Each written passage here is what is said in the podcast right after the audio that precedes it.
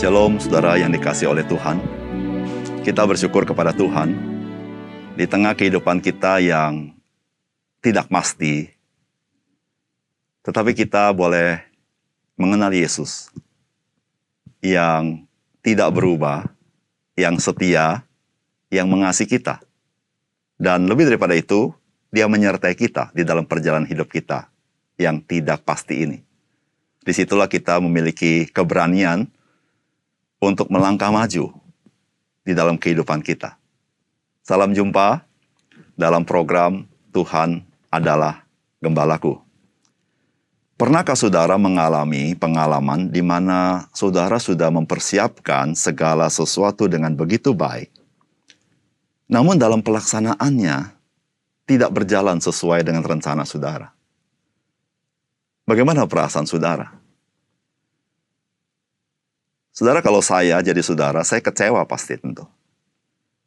Karena untuk mempersiapkan segala sesuatu itu kan perlu energi, perlu pemikiran, perlu waktu, dan lain sebagainya. Di sinilah kita mengetahui bahwa ternyata dalam hidup kita, bagaimanapun kita telah persiapkan, ada hal-hal yang tidak dapat kita kendalikan dalam hidup kita ini. Saudara, peristiwa seperti ini tidak hanya terjadi sekali bukan dalam hidup kita, bisa berkali-kali.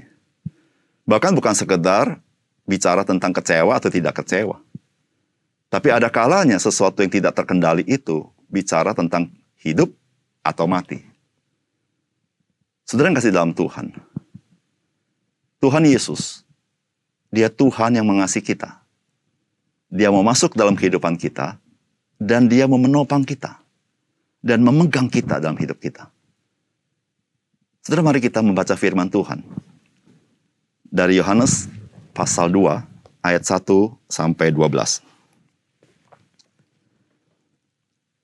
Pada hari ketiga ada perkawinan di Kana yang di Galilea. Dan ibu Yesus ada di situ. Yesus dan murid-muridnya diundang juga di perkawinan itu. Ketika mereka kekurangan anggur, ibu Yesus berkata kepadanya, mereka kehabisan anggur. Kata Yesus kepadanya, Mau apakah engkau daripadaku ibu? Saatku belum tiba. Tetapi ibu Yesus berkata kepada pelayan-pelayan, apa yang dikatakan kepadamu, buatlah itu. Di situ ada enam tempayan yang disediakan untuk pembasuhan menurut adat orang Yahudi. Masing-masing isinya dua tiga buyung. Yesus berkata kepada pelayan-pelayan itu, isilah tempayan-tempayan itu penuh dengan air, dan mereka pun mengisinya sampai penuh. Lalu kata Yesus kepada mereka, Sekarang cedoklah dan bawalah kepada pemimpin pesta, lalu mereka pun membawanya. Setelah pemimpin pesta itu mengecap air yang telah menjadi anggur itu, dan ia tidak tahu dari mana datangnya, tetapi pelayan-pelayan yang mencedok air itu mengetahuinya. Ia memanggil mempelai laki-laki dan berkata kepadanya, Setiap orang menghidangkan anggur yang baik dahulu, dan sesudah orang puas minum, barulah yang kurang baik. Akan tetapi engkau menyimpan anggur yang baik sampai sekarang. Hal itu dibuat Yesus di Kana yang di Galilea sebagai yang pertama dari tanda-tandanya, dan dengan itu ia telah menyatakan kemuliaannya, dan murid-muridnya percaya kepadanya. Sesudah itu Yesus pergi ke Kapernaum bersama-sama ibunya dan saudara-saudaranya dan murid-muridnya, dan mereka tinggal di situ hanya beberapa hari saja. Saudara yang dikasih oleh Tuhan, pernikahan merupakan momen yang penting di dalam kehidupan manusia. Di segala suku bangsa, maka momen pernikahan dilakukan dengan sebaik-baiknya, bahkan semeriah-meriahnya, bahkan banyak yang melakukan secara religius tentunya. Termasuk juga bangsa Yahudi. Saudara bangsa Yahudi melakukan pesta pernikahan itu bukan sehari, mereka bisa lakukan berhari-hari. Saudara bayangkan, pernikahan merupakan hal yang penting dalam kehidupan seseorang. Maka orang itu di dalam menyiapkan pernikahan pasti menyiapkannya dengan sebaik-baiknya. Saudara hari ini pada umumnya pesta pernikahan yang kita lakukan adalah dalam hari satu hari itu. Dalam arti beberapa jam. Saudara, untuk beberapa jam itu, saudara, persiapannya sangat meletihkan dan sangat banyak dan pasti dipersiapkan dengan baik. Bagaimana dengan orang-orang Yahudi yang mengadakan pesta pernikahan berhari-hari? Saudara, itu pasti lebih meletihkan. Perlu persiapan yang baik. Saudara tidak boleh ada hal-hal yang kurang di dalam pesta pernikahan. Bagi orang Yahudi, saudara, pada zaman itu, Salah satu hal yang tidak boleh kurang adalah air anggur. Karena air anggur itu melambangkan sukacita daripada para tamu. Melambangkan tuan rumah itu menyambut tamunya dengan sukacita. Nah, saudara yang kasih dalam Tuhan, pernikahan di Kana adalah pernikahan yang dipersiapkan sebaik-baiknya pasti. Namun, saudara, terjadi sesuatu yang di luar dugaan mereka.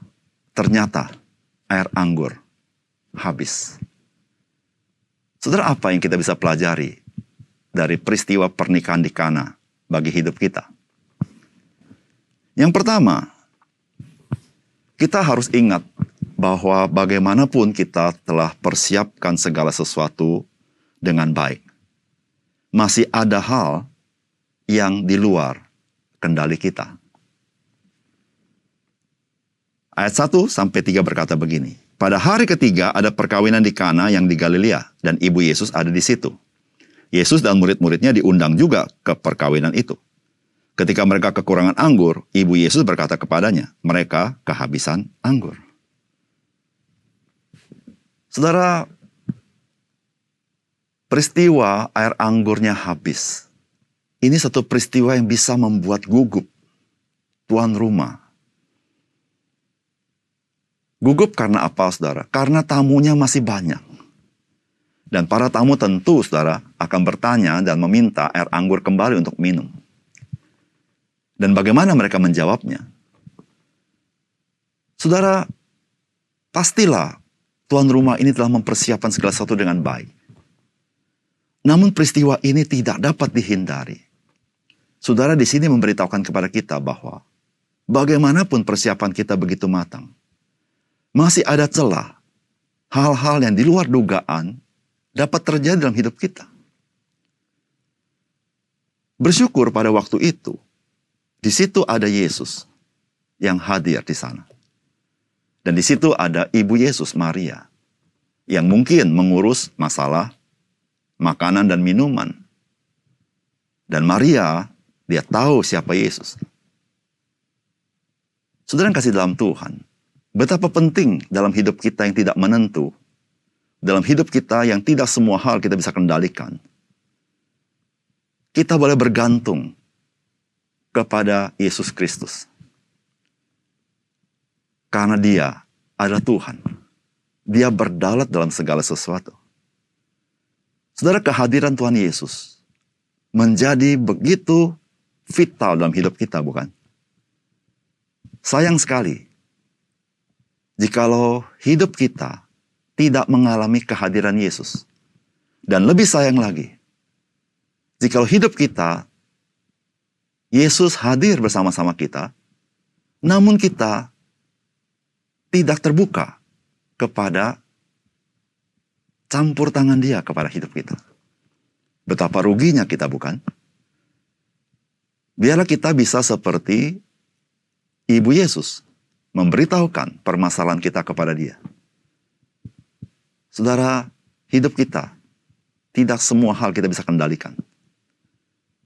Oleh karena itu, mari kita berjalan bersama Yesus. Dialah yang memegang hidup kita. Dialah yang tahu segala sesuatu. Dia yang punya rencana. Dan dia memegang kendali segala sesuatu di dalam tangannya. Yang kedua, Saudara firman Tuhan hari ini mengajarkan kepada kita, mari kita membawa hidup kita kepada Yesus. Dengan percaya kepadanya, taat kepadanya, dan kita akan menyaksikan kuasa dan kasihnya yang mengubahkan. Saudara ayat 4 sampai ayat 5 berkata begini, kata Yesus kepadanya, Mau apakah engkau daripadaku ibu? Saatku belum tiba. Tetapi ibu Yesus berkata kepada pelayan-pelayan, Apa yang dikatakan kepadamu, buatlah itu.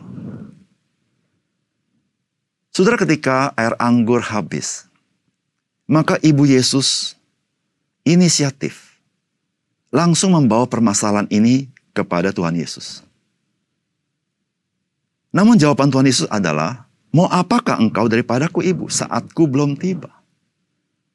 Di sini memberitahukan kepada kita bahwa apa yang Yesus lakukan adalah perbuatan yang sifatnya berdaulat. Dialah yang berdaulat menentukan segala sesuatu.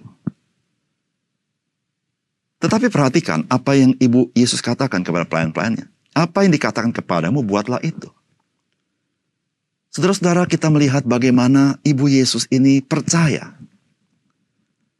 Percaya kepada Yesus. Sehingga dia minta pelayan-pelayan itu melakukan apa yang diperintahkan Tuhan Yesus. Saudara percaya kepada Tuhan Yesus sangatlah penting.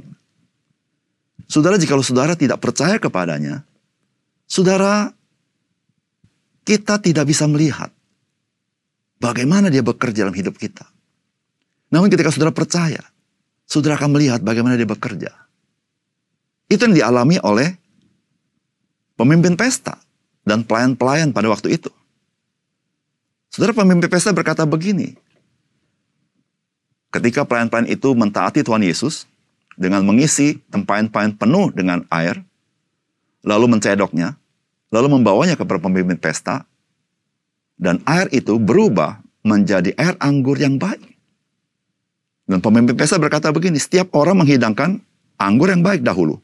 Dan sesudah orang minum puas, barulah yang kurang baik. Akan tetapi engkau menyimpan anggur yang baik sampai sekarang. Itu ayat 10, saudara.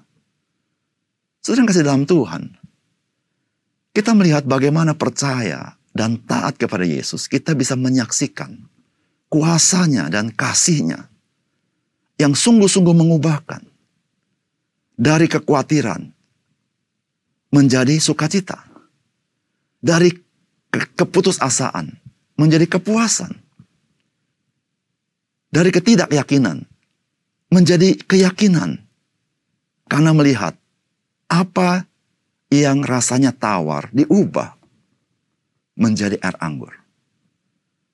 Saudara yang kasih dalam Tuhan, bawalah hidup kita kepada Tuhan apa adanya. Mungkin hidup kita yang kosong, seperti sudah habis. Bawalah kepada Yesus dengan percaya dan taat. Dan dialah yang akan mengisi hidupmu dengan kelimpahan. Bawalah hidupmu yang penuh dengan ketawaran, tawar hati, kekecewaan. Bawalah kepadanya. Dia akan mengubahkan hidupmu menjadi hidup yang manis, hidup yang berkelimpahan. Saudara-saudara yang kasih dalam Tuhan, di dalam tangan Tuhan Yesus, tangan yang penuh kasih, tangan yang penuh kuasa, tangan gembala yang baik, engkau dan saya tidak kekurangan apa-apa dalam hidup ini. Oleh karena itu, saudara yang kasih dalam Tuhan, bawalah hidup kita kepadanya dengan segala apa adanya. Dia sanggup mengubah hidup saudara dan saya.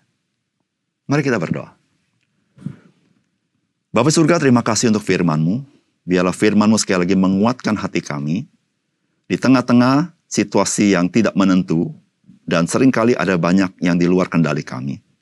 Kami boleh memegang Engkau ya Tuhan. Dan Engkau memegang kami. Dan Engkau menuntun kami di jalan yang benar, di padang rumput yang hijau, ke air yang tenang, karena Engkau gembala kami yang baik. Biar Engkau mengajar kami selalu kami membawa hidup kami, apa pun keadaannya, kepada Tuhan. Karena kami tahu ya Tuhan, bagaimanapun keadaan kami. Tuhan dengan kasih dan kuasamu, Engkau mengubah hidup kami. Sehingga hidup yang penuh sukacita, damai sejahtera, hidup yang penuh dengan rasa syukur. Karena Engkaulah gembala kami yang baik. Terima kasih Tuhan, dalam nama Tuhan Yesus kami berdoa. Amin.